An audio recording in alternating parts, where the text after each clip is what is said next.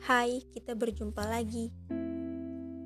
Kali ini catatanku yang aku tulis pada hari Kamis 25 April 2019.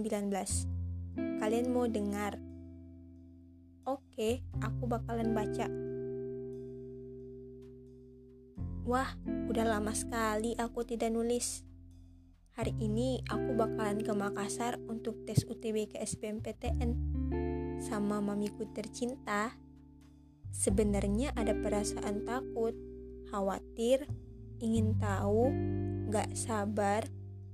Pokoknya perasaanku campur aduk. Aku berdoa semoga tesku berjalan dengan lancar dan hasilnya memuaskan. Coba kalian tebak, apakah hasilnya memuaskan?